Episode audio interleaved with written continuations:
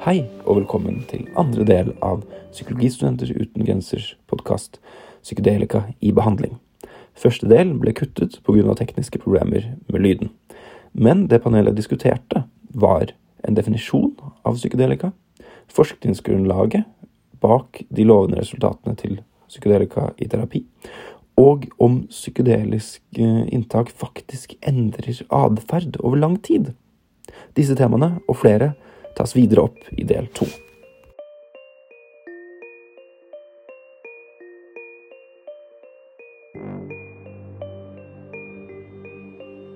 Eh, Så beklager for dette tekniske. Her har samtalen gått. Vi har, vi har ikke ventet noe annet. For det som ikke har den se, men ja, Mac-en døde. Så ja, Men nå skal den funke. Eh, og da bare Nå har jo dere vært gjennom hele diskusjonen, egentlig. Men uh, vi var på at du Eivind snakket om bygningsarbeidere. Jeg snakket om bygningsarbeidere. Jeg, jeg, jeg, kunne, uh, jeg burde kanskje velge en yrkesgruppe som får noe til overs for. å velge aksjemeglere eller et eller annet. Men poenget mitt var bare at um, hvilken grad er de det vi tror om disse stoffene, og, og dette med at vi får større innsikt osv. Er det noe som har oppstått av hvem som starter med å ta de, og har valgt å ta de? Eh, og i hvilken grad, hvis vi hadde randomisert folk inn i LSD-rus eh, ulike personligheter, ville vi da fått at de antagonistiske hadde antagonistiske opplevelser og osv. Så, så det, det tenker jeg jo også at vi vet for lite om. Og det kan være at stoffene virker allikevel, men noe av antakelsen her er jo at man får en del opplevelser som er sunne for deg. Men da lurer jeg jo på om alle får det. Er det slik at alle er skrudd sammen på en slik måte at de på en måte får dette? Eller er det, hvis du er på en måte elefantmannen innvendig, da, øh, er det vil du da ha en god opplevelse av å ta eh, disse stoffene? Du, altså akkurat dette kan jeg kanskje si litt om fra den studien vi har gjort. fordi det eh, de beskriver der, er jo det eh, som alle disse 50 for seg beskriver, er det du kan kalle en slags klassisk mystisk opplevelse. Det er fellestrekket. De får det altså De bruker ikke det ordet selv. Men hvis du sammenligner det med sånne beskrivelser da det i religionssosiologi og sånn, at du møter noe utenfor deg selv som er større enn deg selv, og som kan kalles mye. Det kan kalles eh, enhet med universet, det kan kalles eh, guddom, det kan kalles eh, altså, Lang tradisjon altså Skjeldrup, som har laget eh, litt navn til dette huset vi sitter i dag, han var veldig opptatt av det mystiske. Ikke minst hans bror var det, som var biskop, toneangivende biskop i Norge på 30-tallet. Opptatt av det mystiske. Altså i den eh, noen tilfeller den hellige forståelsen av det. Og så er det masse sånne studier over tid av mystiske erfaringer. Og du kan veldig ofte få dem gjennom religiøse erfaringer. Du kan få det også gjennom eh, meditasjon, f.eks. Du kan få det også gjennom disse stoffene som jo har lang tradisjon, særlig i Amerika. Eh, og Da er det gjort en god del beskrivelser av dette over tid, så du kan sammenligne hvordan en mystisk eh, religiøs erfaring kan sies å være. Den synes å være ganske e- lik på tvers av en del religioner. Og så ble det da eh, en eh, kontrovers rundt dette, rundt akkurat det jeg er opptatt av, sånn på 60-70-tallet, hvor det kom inn disse sosialkonstruktivistiske sosiologene, harde typer, som sier at nei, dette er ikke noe universelt i dette, det er veldig mye formet av tid og rom, og du blir påvirket av den verden du er i. Og vår studie så kan vi faktisk belyse akkurat det litt, fordi eh, vi kan prøve å se på Det er veldig få sånne studier av uselekterte utvalg. Det er kanskje en eller to andre i tillegg til den vi har gjort. Eh, men vi kan sammenligne med den, eh, særlig den ene som ble gjort i England eh, for ca. 20 år siden. eh, I et utvalg som var veldig sånn club culture-utvalg. Altså folk som hang på byen og som gjorde dette tydeligvis litt mer sånn partykontekst enn våre folk. Eh, og det vi ser i vår, uh, våre folk som får denne mystiske erfaringen uh, Det er virkelig transformerende. altså Du går ut av deg selv, og du kan oppleve at du kan sitte og snakke med din tipp-tipp-oldefar som gir deg gode råd om livet. Du kan gå inn i noe helt mørkt, eller inn i liksom, noe lyst og sånne ting. Men det som er typisk i denne studien vår, det er at de har sånne ting, men de har i tillegg veldig ofte en eller annen orientering mot naturen. Så det er liksom en slags eh, mystisk med grønt stempel. Og veldig mange av disse folkene var jo i utgangspunktet opptatt av økologi og sånne ting. Sånn at eh, hvis vi følger på en måte uh, Så er spørsmålet er dette universelt, eller er det formet av tid og sted? Så vil jeg si at det er litt begge deler. Og veldig mange beskrev altså De går ut i naturen, de kjenner at bladene ser, bladene vokser. De, noen igjen fortalte at han gikk utenfor stiene, kjente hvordan han hadde noen samiske røtter, hvordan det var det som nå ga ham energi og forståelse om måten å leve på. Så jeg vil si at uh, vår, det er litt, litt, av det samme du er opptatt av. Det er helt åpenbart at det er noen Vi kaller dette da 'Narratives of the Mystical', eh, en artikkel som er publisert i Acta Sociologica. Uh, så de narrativene de støtter seg til i dag, de er nok veldig preget av at disse folka opplever en natur som er truet. Og Miljøpartiet De Grønne altså mange orienterer seg i den retningen. Og disse fortellingene kommer også igjen i denne veldig dype, mystiske, tilsynelatende hellige erfaringen. Så det er et stempel av samtid og en politisk referanse, syns jeg, vi finner inni kjernen av det mystiske i dette utvalget her. Mm. Man kan også spore det litt sånn tilbake en kort sånn idéhistorie også fra tidligere altså psykedelikaforskning som starta spesielt i Canada. Hvor de begynte å tenke at uh, man kanskje kunne behandle alkoholiserte med spesifikt LSD. Var de som jobba der, mente litt at blant de pasientene som var veldig alkoholis alkoholisert og slutta brått, så er det som vi vet at det er en risiko for å handle med idrir. De lider med tremens, som er en sånn veldig sånn sterk, ubehagelig forvirringstilstand, som også kan være dødelig, men i hvert fall veldig ubehagelig. da så mente de at blant de vanlige pasientene som slutta brått, at de som havna i delirium tremens og fikk det veldig ubehagelig, at de, liksom, den opplevelsen var så sterk da, at det på en måte fikk dem til å revurdere livet og på en måte begynne å legge om vaner og prøve å begynne å slutte. Og de mente på en måte at den sterke, ubehagelige delirium tremens, som predikerte uten å forske på det, men de bare mente de så det, da, predikerte hvem som ble bedre. Og når de også begynte å se på LSD, så tenkte de ganske tidlig at jo, vi kan bare indusere en litt sånn tryggere delirium tremens med LSD, da, for du kan ikke dø av den, og du kan få det vanvittig ubehagelig. Så tenkte jeg at vi gir det til alkoholiserte, og så ser vi om vi klarer på en måte å skremme dem til en slags endring. Det er for å gi en veldig ubehagelig opplevelse. Og når de snakka med disse pasientene etterpå, så fikk de egentlig litt svar på det motsatte. At mange av de fortalte litt sånn som du sporer fra rusmisbrukeren nå, eller de rekreasjonelle brukerne nå, da. Sporer tilbake at de som fikk en positiv opplevelse, eller som rapporterte at de fikk en sånn eksistensiell eller religiøs eller spirituell opplevelse. De øh, fikk det også bedre senere. At de var friskere eller klarte å holde seg bedre borte. Og det var ikke noe sånn, Dette er ikke noe sånn forskningsbelegg for, men det var narrativene og historiene da, som helt sikkert preger litt rekreasjonsbrukerne nå, men også forskningen nå. Altså Når man ser på alle de nye studiene som jeg gjorde i årsskiftsartikkelen, så ser man også at der bruker man en sånn rating scale. som der, Det ene heter Mystical Experience Questionnaire som prøver å kvantifisere litt hvor stor grad av mystisk opplevelse er det. da. Mens andre studier har brukt noe som heter 5D-ASC, som er en sånn Altered State of Consciousness Questionnaire, som prøver også å liksom, kategorisere litt til hvor stor grad opplever de det at de mister seg selv. Da bruker jeg et litt annet begrep for det. At, du, at, du, at egoet ditt, din opplevelse av deg selv, går i oppløsning, og du blir i ett med miljøet. Altså litt den psykoselignende opplevelsen som man kan rapportere. da. Så det er litt ulike narrativer og ulike diskurser som prøver å fange den opplevelsen som man allikevel ser at blant de som rapporterer en høy grad av det, de rapporterer også å ha mindre symptomer på depresjon og også mindre grad av inntatt alkohol etterpå. I noen få veldig små studier. Da. Så vi vet jo ikke det. Men det er for noe man begynner å tenke at det kan være en av behandlingsmekanismene. Og Hvis man skal fjerne språket litt for det, og se liksom også zoome litt inn på en annen forklaringsmodell, som er mer sånn biologiske, da, og se inn på, altså på FMRI-nivå, så har man prøvd å forklare eller se på effekten av psykedelika i forhold til hvordan det påvirker hvordan bestemte hjerneområder kommuniserer med hverandre. Da. Så på det ene, ene ratingskjemaet, som da man kan måle grad av egooppløsning, altså i hvor stor grad man føler at man mister seg selv, så predikerer det med endringer i det som kalles for default mode network. Altså man, man måler funksjonell kobling da, mellom bestemte hjerneområder som vanligvis aktiveres samtidig. Og når den løsner litt opp, så rapporterer folk subjektivt at nå opplever jeg at jeg mister hele opplevelsen av meg selv. Og det ser man også bl.a. på et nytt studie som kom formålet fra Gitte Moos Knutsen, nevroforsker i København, og forskningslaben hennes. da, At blant de som bruker forsalysabin der i forskningsprosjekt, som også rapporterer større grad av å miste seg selv, så ser man at det blir en sånn funksjonell kobling i hjernen opptil en uke etterpå. De måtte sjekke også tre måneder etterpå, men det var ikke noen sånn langvarig effekt der. Etter én dose så, så du at hjernen kommuniserte på en litt annen måte i ca. en uke. Så det, så, så det er i noe med den subjektive opplevelsen som kanskje også egentlig bare forklarer litt hva er det som skjer på nevrat nivå. da.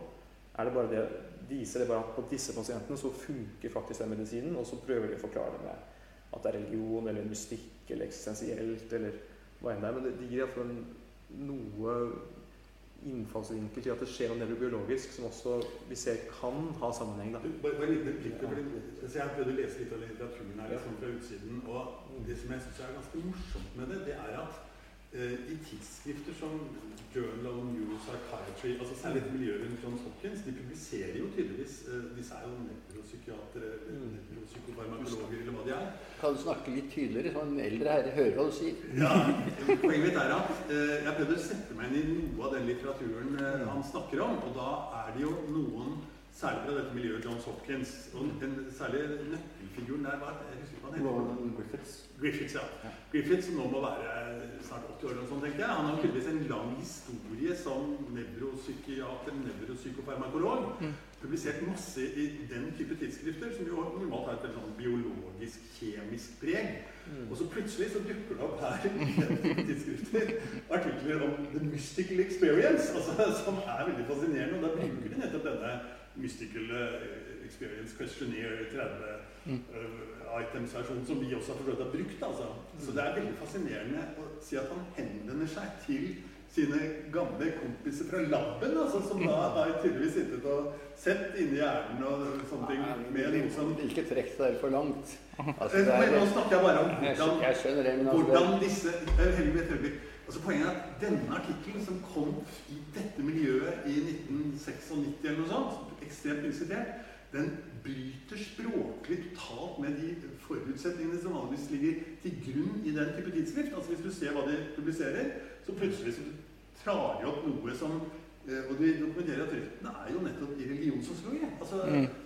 altså Det er noen tanker som åpenbart aldri har vært til stede i det tidsskriftet, eller antageligvis opprinnelig i det laboratoriet han jobbet. altså. Det er det fascinerende sånn, fra et sånn erkjennelsesmessig vitenskapshistorisk perspektiv. da, at Her jobber de i en tradisjon, og så plutselig så henter de noe som virker veldig abstrakt og merkelig, vil jeg tro, for hans uh, fagfeller. Og så begynner de å lese det. Så det syns jeg sånn, nettopp igjen som sosiolog, er noe av det spennende hvordan det er åpenbart to tradisjoner Altså, De klarer ikke å finne språket for dette i noe annet enn eh, noen som drev med religionssosiologi, hadde sett da på asteker-indianere og sånne ting på 30-, 40- og 50-tallet. Altså. Ja. Men hør nå, altså det, at, det, at det er eh, det at I dette feltet vi snakker om, så er det ganske sterke tradisjoner som stammer fra religionssosiologi. Stammer fra ulike former for myst- mystiske opplevelser. For så vidt med opplevelser du kan få fra alt fra sensorisk deprivasjon til, eh, til utsulting, til isolasjon, til ulike andre ekstreme former for påkjenninger, til en lang rekke eh, medikamenter som kan gi lignende type opplevelser. Dette er åpenbart, et fenomen som er, altså, altså vår hjerne kan gi dekning for det, dette fenomenet. Og noen har jo spekulert om dette er grunnlag for religion. Fordi at man, altså, Religionen oppsto fordi folk tok en eller annen form for, for psykedelisk, eh, psykedelisk stoff. Så det, det, jeg syns det blir fort veldig spekulativt. Altså En ting er at dette er slik, at det, at det er et fenomen. En helt annen sak er å lage antakelser eller koblinger mellom hjernens funksjon eller strømningene mellom ulike hjerneområder. Her er, altså, hjernen er så komplisert, og den er så dynamisk og den er så plastisk, og det går så mye frem og tilbake at de, de fleste nevrobiologer jeg kjenner, de er, blir stadig mer beskjedne når de, hva de tror de kan forklare. Enten det er ved, ved hjerneskanning eller det er ved PET eller hva det er for noe. Så at det, er, det, er, det er så Ja. Altså, det er det jeg kan si om det, da. Og så på den ene siden, ja, klart at det er dette, dette med religion og det med mystisisme det er, det er et fenomen som har betydning. Derfor kan altså vi sett enkelte slutte med rusmidler fordi de blir omvendte. Så det, men det er jo noe av det samme. Man opplever noe større enn seg selv. Man får deltakelse i noe. Eh, Noen ble oppsluttet også med rusmidler fordi de sluttet seg til Rød Front. Det er nå en stund siden. Det er forskjellige former for, for omvendelser her i verden. Men altså, så det er, det er noe med det å oppleve noe som er større enn meg selv, og slutte seg til noe og få en, en slags form for noe er riktig her i verden, og jeg er en del av en verden, og jeg kan være en del av noe viktig. Det er helt klart. Og skal litt forsiktig med å tolke dette på nevrobiologisk vis, da, for å være helt ærlig. Mm. Ja. Klart man skal det. Og, og jeg bare legge til litt, litt som, som uh, inne på også, at i hvert fall Johns Hopkins da, og, og den tradisjonen Noe jeg tror er innflytelse til hvorfor de begynner å snakke om mystisme. altså Det her religiøse er også Det er jo en ganske kjent um, psykolog der, og prest, som har jobbet der i de kliniske studiene i alle år, tror jeg, som heter Bill Richards. Mm. Det er jo litt, litt det jeg føler som Eivind også er inne på, en slags sammenblanding av liksom, ideologi, religion og forskning. At det begynner da å dras inn et sånt språk også fra religion. da. Og så har han skrevet en bok som heter 'Sacred Molecule', tror jeg den heter. Mm. Som også legger veldig at dette er noe hellig, at han drar inn og har en innflytelse på å gjøre det synes jeg, mer religiøst enn det som er sunt for et forskningsfelt. Jeg, jeg, tror, jeg tror det kan være det stammer litt fra. kanskje. Det er kanskje ikke så rart at det var Modum det startet på i Norge, var Mm. kristendom, sjelesorg. Mm. Guddommen var på en måte i korridoren. Altså. Jeg tenker, dette med religion, da altså et første, Det neste mennesket fant opp etter religion, var jo prester. Ja. Og her er det jo da Dette er jo psykologistudenter da, som dette er for. Eh, og eh, jeg har inntrykk av at i denne terapien på en eller annen måte så har man på en måte en slags guide, en trip-guide. Ikke sant? Og da tenker jeg det ligger jo en slags antakelse om at det er opplevelsen i seg selv. Mm. Altså at opplevelsen er ikke et biprodukt. For enten så kunne vi tenke det at du tar dette stoffet, og så skjer det masse ting. Så vi, der tenker jeg det kanskje, de, de vet ikke jeg, men det er ulike ideer om ketamin f.eks. Altså noen tenker at det er opplevelsen, mens andre tenker at det er litt som å få et sånn lavdose elektrosjokk. Eh, ikke sant? Og det tenker jeg har jo litt forskjellige implikasjoner for psykologer. da. Fordi hvis det er slik at det er opplevelsen, så får jo vi da på en eller annen måte rollen da, som disse guidene. Altså Vi skal jo ikke skrive ut disse medisinene, eh, men vi kan jo ende opp med en rolle som disse guidene.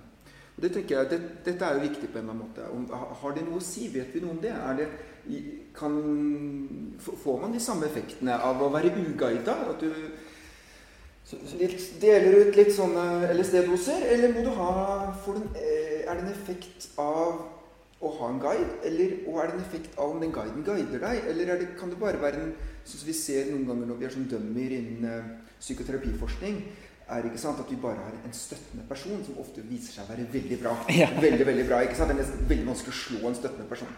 Ja. Det jeg kan si om det, er jo at eh, Jeg vet ikke om det er gjort noe av dette inne på psykedelika, men for å ta ketamin, da, så vet jeg at der er det studier hvor man har gitt ketamin i forbindelse med anestesi til ECT, også i forbindelse med operasjon. Um, og så har man sett om ok, har det da en antidepressiv effekt. Okay, Og da har du på en måte fjerna opplevelseskomponentene, fordi personen er da lagt i narkose med ulike midler. Um, eventuelt så har du gitt ketamin i så høy dose at du har ikke opplevelsen lenger. Du har bare den akkurat når du går inn, eh, når du går inn i anestesin, når du pleier ut av anestesin. Og da har man faktisk sett at eh, effekten daler noe. Eh, faktisk betydelig. Så da, da har den effekt på noen ting, sånn som f.eks. smerte, som vi vet ketamin virker på. Men den har ikke de andre komponentene. Og så kan man jo tenke er det et samme tilfelle for MDMA eller psilocybin. Det, det vet vi ærlig talt ikke. Men det tyder jo på at det er kanskje også noe med opplevelsen. Og det kan passe med dette her med at scoren på MEQ30 på en, til en viss grad i hvert fall korrelerer med hvor god behandlingseffekt man heter på. Nå er det psykologen sin jobb da å finne ut hva er det med denne opplevelsen. da? Vi har jo en litteratur på mystiske opplevelser, altså folk som har plutselig konvertert, og det har vært nyttig for livet deres. Og så Nå har vi plutselig en måte å studere mystiske opplevelser på nokså pålitelig. For Det er ganske vanskelig å bare indusere en mystisk opplevelse under kontrollerte former, men det, det kan vi nokså pålitelig med psilocybin. 70% ca. får en sånn eh, fullstendig complete eh, mystisk opplevelse. Dyptgripende mystisk opplevelse. Eh, og da begynner vi å, å, ha, å, å kunne faktisk se en slags fusjon da, mellom dette her med mystikk som på en måte man har mest anekdotisk fra, og putte det inn i en litt sånn psykoterapeutisk kontekst, og så ser man hva man får ut av det. Og Der gjenstår det mer forskning å gjøre, men det er jo det som gjør det her litt, litt sånn spennende. da, At du blander disse her disiplinene. rett og slett. Mm. Ja, det, et spørsmål til psykologene på en sett og vis da, er at um, i en del av litteraturen iallfall Det gjelder jo da særlig hals og gris, de mer, de mer klassiske stoffene, men også for så vidt eh, MMDA. eh, at man eh, har en slags opplevelse at man får en dyp, dypere innsikt i seg selv. Man opplever og husker tidligere og, og, hendelser. Man får liksom opplevelse gå tilbake til retten. Da, at man kan starte på nytt. Man kan liksom av, kan si, avkle seg ulike fikseringer og sånne ting. Så Min opplevelse av psyk psykologien slik jeg iallfall har forstått den til nå, er at den typen analytisk tenkning er litt passé. At man egentlig ikke tror så veldig mye på det å gå tilbake og huske. Ja, og Det har ganske vært ganske mange studier med false memories. At, at det der med å, å, å, skulle huske noe man har fortrengt, glemt, at det egentlig har relativt liten plass i moderne psykoterapi, da, så jeg har forstått det. Det er mer spørsmål å oppdage og skjønne hvordan man håndterer ting, hvordan man reagerer på hendelser, og hvordan man opplever seg i forhold til andre mennesker osv. Og man eventuelt kan forandre på det. Så men, I litteraturen her så blir det jo trukket ganske mye frem dette at man da Vi har gått i, tatt en eller annen form for stoff, og så plutselig kjenner man, husker man ja, en, en eller annen traume fra han var fire år, eller hva det er for noe. Så, ja. Du bare, bare en kommentar til det, fordi Jeg har også snakket med ca. 50 stykker av disse som har brukt det. og Det er omfattende intervjuer. Vi snakker med dem en tre timers tid omtrent. Og Det var ingen av dem som snakket om det på den måten. altså. Det var ikke sånn at det var plutselig så skjønte de at de hadde blitt utsatt for et overgrep da de var seks år, eller at sånne ting. Det var, det var liksom sånn, nesten overraskende lite av sånn livshistorisk biografi ja. fortellingene. Ja. Det det handlet om, var mye mer at de på en måte opplevde noe som da nettopp hadde denne litt mystiske karakteren. Altså, vi snakket jo masse om andre ting vi prøvde å få tak i. øh, hvordan var du som barn? Hadde du oppvekstforhold? Vi snakket foreldrene og sånne ting. Uh, så, og da fikk vi jo en følelse av at ganske mange av dem hadde nok følt seg litt sånn i ytterkant av uh, fellesskapet. Ganske mange hadde hatt noen litt sånn vanskelige ting. Litt rusproblematikk, litt depresjon og sånne ting. Men i normalsporet. Men det de snakket om når de beskrev denne erfaringen, det var mye mer i retning av det vi nå snakket om. altså at de kan eh, de sterkeste erfaringene være liksom på steppen ved menneskehetens opprinnelse på en afrikansk steppe for flere tusen år siden. Eller at de opplever bare liksom en endeløs følelse av godhet. Altså, Heldig smiler, men altså, det er sånne og, og, og så, Det interessante er jo at de er klar over på forhånd at dette høres svulstig ut, og dette høres pompøst ut. Så nesten alle sa De har garantert ikke snakket sammen, for dette var fra hele Norge. altså Mange i østlandsområdet, men allikevel. De starter med å si Altså, jeg er egentlig en ganske streit fyr, men uh, det, du, det, jeg kommer til å si nå, det vil du reagere på. For dette er store ord, det er virkelig forblommet, det er liksom høres rart ut og sånn. Men uh, men det var Jeg skal prøve å si det som, som det var. Og så kommer det noen sånne veldig sterke erfaringer.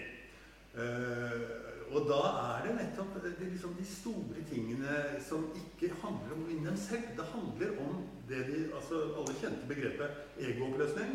Eh, egodød. Eh, så det var altså da å prøve å erkjenne et eller annet der ute eller et eller annet i verden, eller noe sånt. Og så konvergerer det, ser vi når vi går gjennom analysene grundig, også mot naturen. Og det tror jeg da er på en måte altså, mye et stempel av den miljøvernopptattheten som vi finner rundt oss hele tiden.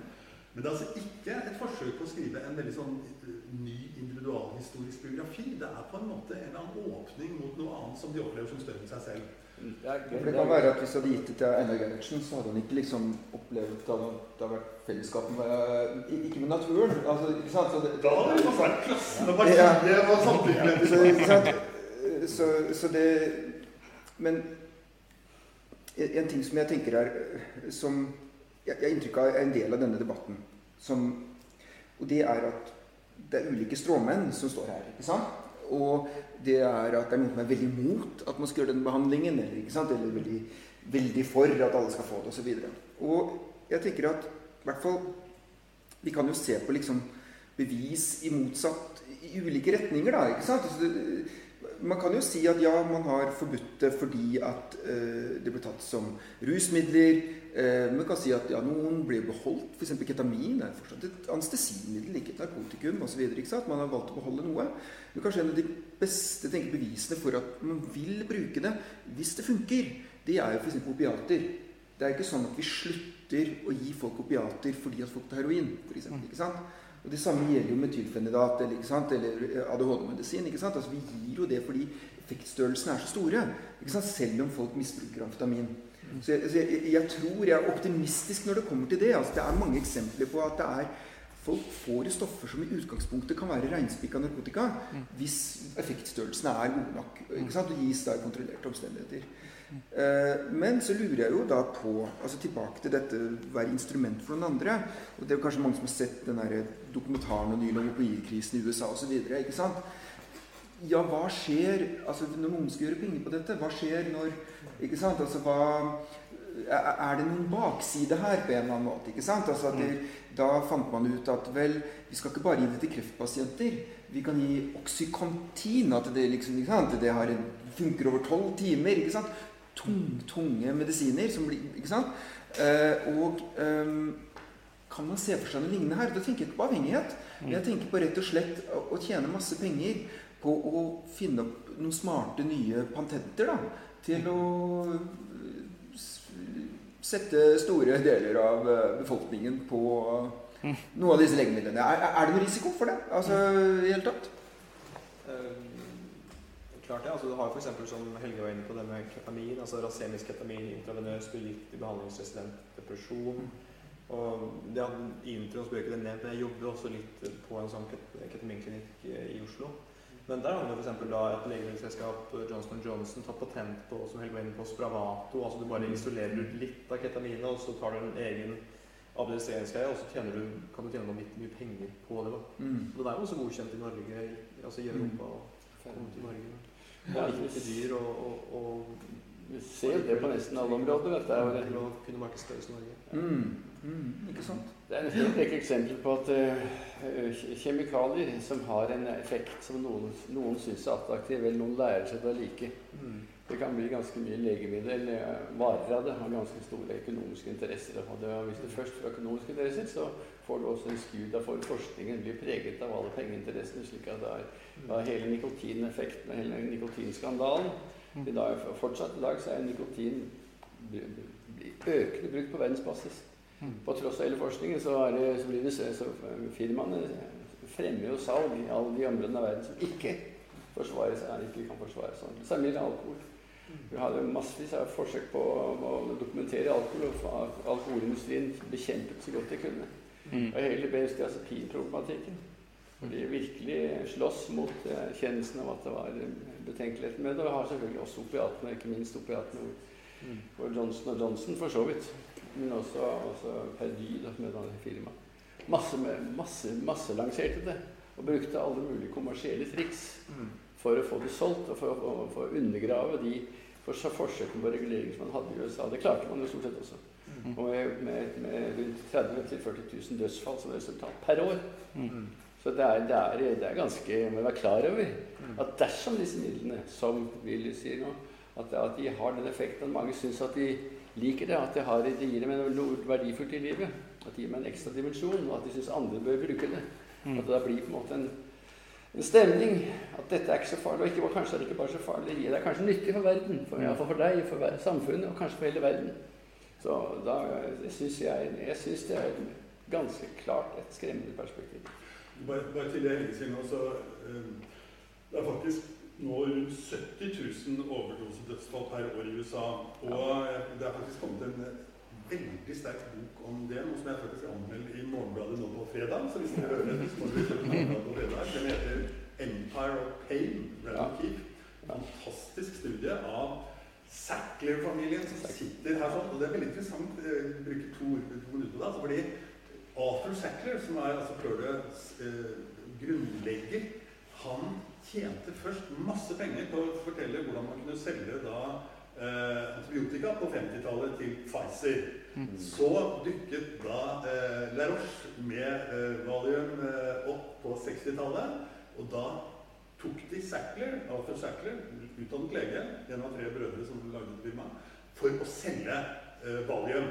Og det eksploderte. Så da han fikk en cut av salget. Og så kjøpte han Burger Pharma, og så fant de opp Oxycontin i 96. Uh, og så satt altså Sackler-familien, som da var tre generasjoner, med hendene på rattet hele veien. Overdosedødsfallene begynte å stige. Og, og de, til slutt da De benektet dem. Under, de, under, under, de, de, benektet fakta. De benektet fakta helt systematisk, men de hadde altså da bl.a.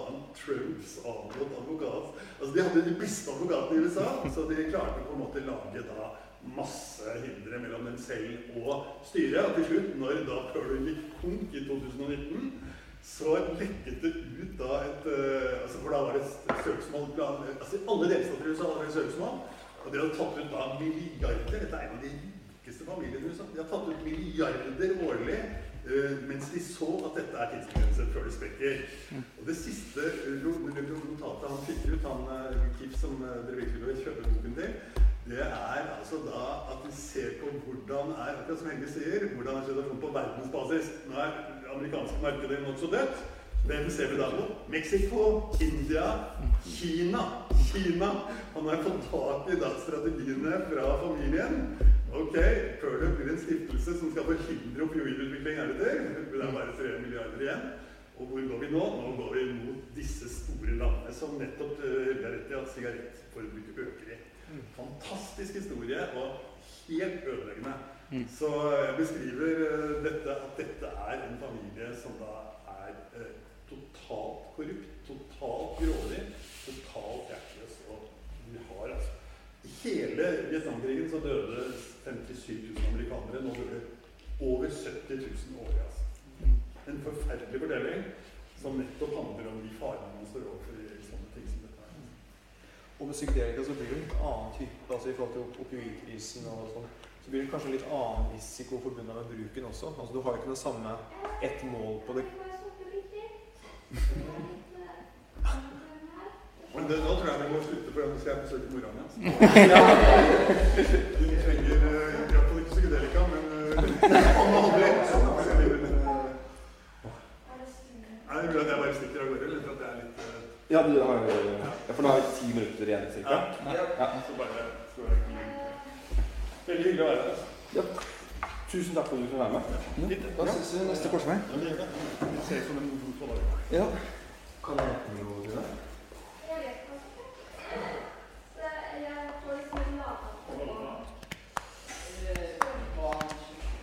Ja, nei, det er ikke bare sikkert på Der nede du må sjekke tilbake. ja, det må man. Synd teknikken, da. Det. Ja, hva synd det. Ja, det burde, jeg har nesten bare spilt inn på forhånd, og så kunne de ha lagt ut at det liksom var live etterpå. Ja, det var fint det du også på Hvor du kan avslutte noe litt på litt sånn risiko ved forskningen fremover, og litt risiko kanskje. Eller jeg kunne Ja. si noe om det. Ja, og spesielt Og så tenker jeg- litt. Kanskje nå ble det jo veldig alvorlig med Sackler-familien osv., men Vi kan jo roe ned litt den der eh, impression at det er overdoserisiko Ja, ja, eller avhengighet. Jeg tenker er vi må, kan dra det inn igjen. At, at det er mer, Det er som en, mer som en tanke at kan noen tjene penger på det, mer enn at de tror at folk kommer til å dø i overdose LSD, liksom. Men, men um, Ja. Det kan bli den nye kaffen, på en måte. Ikke sant? Også, ikke sant? Og det kan også folk tjene mye penger på. Ja. Mhm.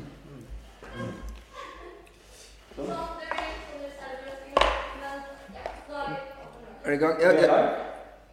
Er. I gang? Jeg tenkte jeg bare skulle ta ordet, eh, fordi vi uh, snakka jo her om uh, opioider og Sackler-familien og sånn. Og det er interessant i seg selv, men jeg tenker det er viktig å understreke at det er jo ingen som mener at eh, folk vil dø av overdoser av, av disse stoffene, men mer som en tanke. Altså, hva skjer hvis vi eh, på en måte åpner Pandoras eske for disse midlene, som er unike og annerledes, men burde vi tenke over det før vi gjør det? Altså det, det tenker jeg er eh, den samtalen man bør ha, men, men da ikke under at folk vil bli hekta eller noe sånt. Nei, for det er litt andre typer Ikke minst like, nesten like alvorlige risikoer som man tenker assosiert med bruk av psykedelika, også i forskning. da. Og Ser man bare tilbake til 1985, i Danmark så kom de jo med en egen lov. Altså De kom jo med LSD Damage Law fra dansk stat, som da ga økonomisk kompensasjon til alle som kunne dokumentere at de hadde, blitt behandla med LSD eller psilocybin øh, blant den tidlige forskningsperioden. Og, og da så man også at, øh, at uh, godt over 200 altså sånn søkerkompensasjon, og da meldte oss at de hadde tatt skade av det. Mm. Og det de fleste meldte inn på, var at, altså forverring av psykisk lidelse. Men også noen rapporterte psykoseutvikling. Mm. Som, som i stor grad det var, Dette er ikke helt sånn kontrollert forskning, men de så i hvert fall på hvem er de pasientene som faktisk melder om skadeerstatning. Og det var i stor grad de pasientene som også var behandla på Fredriksberg hospital, like, altså, i København. da. Blant, på en klinikk der hvor de hadde mer en sånn, helt sånn biologisk antakelse om at ok, vi bare gir eh, LSD. Det er ikke noe tripsitter, det er ikke noe som støtte. Og så er pasienten enten lagt i et eget rom eller styrt seg ned på en seng, og så må du bare holde ut det som skjer. Og tenkte man at det var det biologiske som var virkningen, at det subjektive det måtte bare gå over. Det gikk jo ingen døde, man kom seg bare gjennom, tenkte man. Mm. Og det var en kjempestor andel av de som var behandla her, som også fikk langvarige skader. Mm. Men ser man på Montebello-klinikken i, i Danmark, som hadde mer en sånn psykoanalytisk tanke, da. Men med den psykoanalytiske tanken så var det også at det var hele tiden en terapeut med, eller to terapeuter med når pasienten mottok stoffet, for å støtte og trygge og bare hjelpe eventuelt med det angstfylte som veldig mange rapporterer. da. Og i de nyere studiene også så ser du at alle de studiene så er det all, minst én psykolog eller lege med pasienten til enhver tid. Og den mest rapporterte bivirkningen der er jo det at de får angst eller sterk panikk, forbigående, da, og kvalme. Så det er et veldig sterkt ubehag knytta til å ta det. Spesielt, eller i hvert fall i de kliniske settingene. da. Mm.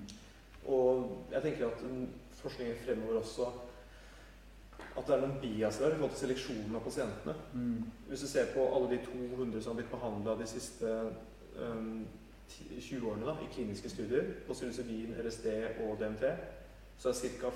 40-50% av de har tidligere erfaring med bruk av psykedelika. Mm. Pluss du luker ut alle pasientene som noensinne har hatt egen opplevelse av å ha psykose, eller har nært familiemedlem med schizofreni, bipolar lidelse eller psykose. Mm. Så når du allerede har at 50% har brukt psykedelika før, og ikke fått psykose på det, Mm. så har du også en litt sånn skjevhet i, i utvalget i forhold til Det kan virke tryggere. At jo, de får kanskje ikke en psykose når de bruker det igjen. Mm. Jeg tror på en måte et, et, utvalg som kanskje tror det litt mer, da. Mm. enn hvis du hadde bare tatt folk som aldri noensinne har brukt det før. Og det er litt spesielt når du tester ut legemidler òg, fordi mange av de har jo aldri vært på markedet før. At det er første gang mennesker får det. Mens med psykedelika så har jo noen brukt det før, og det har dratt med seg tanker, antakelser, forventninger. Kanskje mye positivt, kanskje mye bias også, eller ideologi blant pasientene. Kan ikke vite det, men det er en sånn skummel tendens som man kan se der. Ja, For det det, er det, viktig tid å passe på, passe på den pasientseleksjonen da, som gjøres. Mm. At det ikke blir et bias i kanskje folk som da har agenda eller interesse, eller i hvert fall har med seg veldig mye om så positive erfaringer med bruk av det. Mm. Ja, og, jeg tenker Det du sier der, er jo et problem i psykoterapiforskning generelt. ikke sant? At man luker ut Man får folk som ikke er pasienter ikke sant, inn i forskningen. Men, men eh, da utsetter vi jo det Vi får ting som eh, ikke er en tolvtimers tripp. Men eh, altså det, det utsetter de for ting som i utgangspunktet eh, ja, ikke har noen negativ virkning. Mm. Det som er litt interessant, er jo den, den terapeutiske effekten av disse stoffene. Eh, det blir nesten feil å si er å, snakke om at de gjør det. fordi noe som det du nevnte der, det er også gjort en studie eh, i Toronto eh, tilbake på 50-tallet. Eh, de var jo da kritiske til disse lovende funnene med LSD brukt mot alkoholavhengighet. Og de, de ga det da LSD under helt sterile rammer, hvor de ikke hadde noen støttende personer. Det ble bare stilt sånn standardiserte spørsmål. Noen av dem ble så bundet fast. Og, så de bare, og det var et ikke sant, eh, tomt rom uten noen bilder eller noe ja. Og, og de fant fortsatt en liten effekt, men betydelig lavere, da. Så hvis, hvis man skal snakke om den nytteverdien til disse stoffene, så må man, tror jeg man må tror jeg man har nok data til å si at den finnes i så fall i synergien mellom, mellom eh, hva stoffene gjør, og den konteksten personen finner seg i. Og så skapes det noe mening der, sånn, og så forstår ikke vi helt hva er det som egentlig skjer. Men, men man, må, man må gjøre sånn som de nyeste studiene refererer til, nemlig at det her er MDMA-assistert psykoterapi, eller psilocybin-assistert psykoterapi. Det er ikke resept psilocybin, nå blir du frisk. Eh, Det, det, det, er- er en pakkeløsning som, som vi ikke har så veldig mange andre paralleller til, da, rett og slett. Ja, og jeg tenker For å være maksimalt skeptisk altså til altså hva vi trenger flere studier på. da. Så ene er jo, virker som at Ketaminstudiene, at der er det mange studier. Og så er det på en måte dette med å eksponere folk, altså for minner Folk med PTSD Mm. på MDMA, det gir på en måte litt common sense, men så er det disse da psykedelikaene imellom her. Og um, for å være litt sånn djevelens advokat, da, så tenker jeg jo i, psykologien så har vi noen stygge eksempler som liksom står i læreboken som, som file drawer-problem. ikke sant? Så det ene altså file drawer-problem, og det er altså da. Jaha. Telepatistudier. Ikke sant? Altså, da var det jo utvikla egne forskningsfelt osv., og, så videre, og man utvikla paradigmer og alt mulig. Det var jo fordi at det var ingen som hadde lyst til å publisere et negativt funn. Ja. Ikke sant? Så symmetrisk så ligger denne akkurat over null, men alle publiserer bare til høyre på samplingfordelingen. Og det tenker jeg, det vet vi jo heller ikke her om altså Hvis det er dette litt sånn samrøre du snakker om med både pasienter og de som utfører det, så, så øh, tenker jeg at det er kanskje det største behovet er jo store studier øh, med øh, hva skal jeg si, av mest mulig nøytrale forskere og pasienter. da. Uavhengige institusjoner, ikke minst, som gjør det. Ja, og på store studier så tenker jeg at vi går litt inn for en landing. Ja. Uh, tusen takk for diskusjonen. Kjempeinteressant alt dere har snakket om. Og for lytterne og de som ser på eh, Willy Pedersen han forsvant ikke i løse luften. Han måtte gå av moren sin. Eh, eh, så det er et lite spørsmål. Jeg bare vil at vi skal avslutte litt sånn kort svar gjennom alle. At, hva tror dere er fremtiden til psykedelika? Nå har denne diskusjonen vist at det kan man ikke svare enkelt på. Men hvis dere skulle svart et lite enkelt svar på det Jeg, jeg vil tenke meg at eh, ketamin vil bli mer brukt mot eh, depresjon enn det er i dag. Um, MDMA-assistert psykoterapi vil nok eh, jeg satser pengene på at vil kunne få et begrensa bruksområde for kronisk PTSD. Og så tør jeg ikke helt å gjette på med de psykedeliske stoffene hvor de kommer til å havne i fremtiden. Det er vanskelig å si ut ifra litteraturen. så langt. Mm. Men man vil jo få svaret på det. Det vet jo. Det er masse fase 3-studier av psilocybin for behandlingsresistent depresjon. Karolinska i Sverige. To store randomiserte kontrollerte studier i Tyskland. Og ikke minst i USA. Så man vil jo få svaret på det. Men det er også litt sånn uh, veldig usikker på hva, hva som vil skje. Men jeg tror man får får en, en, en sånn slutt på den der antakelsen om funker det eller ikke. At det kanskje vil være litt mer avklart. Da. Når de større studiene kommer på, på rundt 200 pasienter per stykk i multisenter. på en. Mm. Men uh, MDMA for PTSD er det som har kommet lengst i legemiddelgodkjenningen, spesielt i USA. Mm. Du får det siste ordet. Jeg, jeg tenker jeg er enig med det du sier. og Jeg tenker Dere har prøvd her å rekruttere folk som har et bredde av syn. Og det du ser her, er at jeg tror oppsummeringen her, fra liksom det mest positive til det mest negative, er at det er mer negativt enn det mest sånn positive synet ute i samfunnet. Ikke sant? Jeg tenker at ja, MDMA kan fungere for noen spesielle typer pasienter. Ja, ketamin det kan fungere for noe. Og gudene vet med disse øh, øh, psykedelikaene. Og det er jo ganske mye mer nøkternt enn det man kan få inntrykk av at, at dette er en mirakelkur, men kanskje det er noe nytt, et nytt bidrag, et skritt fremover. Da, Inkrementell bedring da, av behandlingen av psykisk syke. Ja, det er vel jo en rimelig oppsummering. Det er, eh, det er eh, i dag tilstrekkelig evidens for å si at, at, at, at vitamin har, har en plass for eh, i depresjonsbehandling. Vi vet ikke hvilken plass, og vi vet ikke hvilke typer depresjoner. Vi vet ikke forhold til, forhold til andre typer behandling eller ikke, men at det, er, at det trenger vi mer data på, mer forskning på, for å finne en rimelig god plass. Det samme gjelder for MDMA og PTSD. Jeg er mer usikker på det, men, men det kan man jo eh, avvente den forskning som åpenbart foregår. Jeg er sånn generelt litt skeptisk til PTSD-tenkning, hvor man skal gjenoppleve på denne måten. Skal, og, ja, sånn sett. Men jeg inntrykk at mitt, mitt, mitt, det jeg har lest til nå, er litt, litt preget av det at jeg syns det er en litt forenklet PTSD-tenkning. Og for så vidt også en forenklet hjerneorganstenkning eller mikrobiologisk tenkning bak seg. Når det gjelder de andre, så vet jeg ikke. Det er, det, altså, det er ingen grunn til å være entydig skeptisk. Men det er grunn til å, forvente, å forlange og forvente store og gode studier. Og skikkelig, skikkelig forskningsgrunnlag for og en, en forsiktig utvikling innenfor psykiatrien og for så vidt innenfor psykologien og psykiatrien ja, sammen. da kan du si. Eh, jeg mener nok kanskje at dersom man er uforsiktig og slipper for mye løs, så kan det bli nokså mye skade av det. Men tusen takk for at dere var med oss i kveld. Og tusen takk for dere som har sett på gjennom i hvert fall to-tre tekniske veier. Det er noe vi setter veldig pris på at dere har tålmodighet med. Og så kommer dette her til å bli lagt ut senere som en video hvor vi klipper alt sammen, og som en podkast. Og ja, ha en fin kveld. Tusen takk. Takk.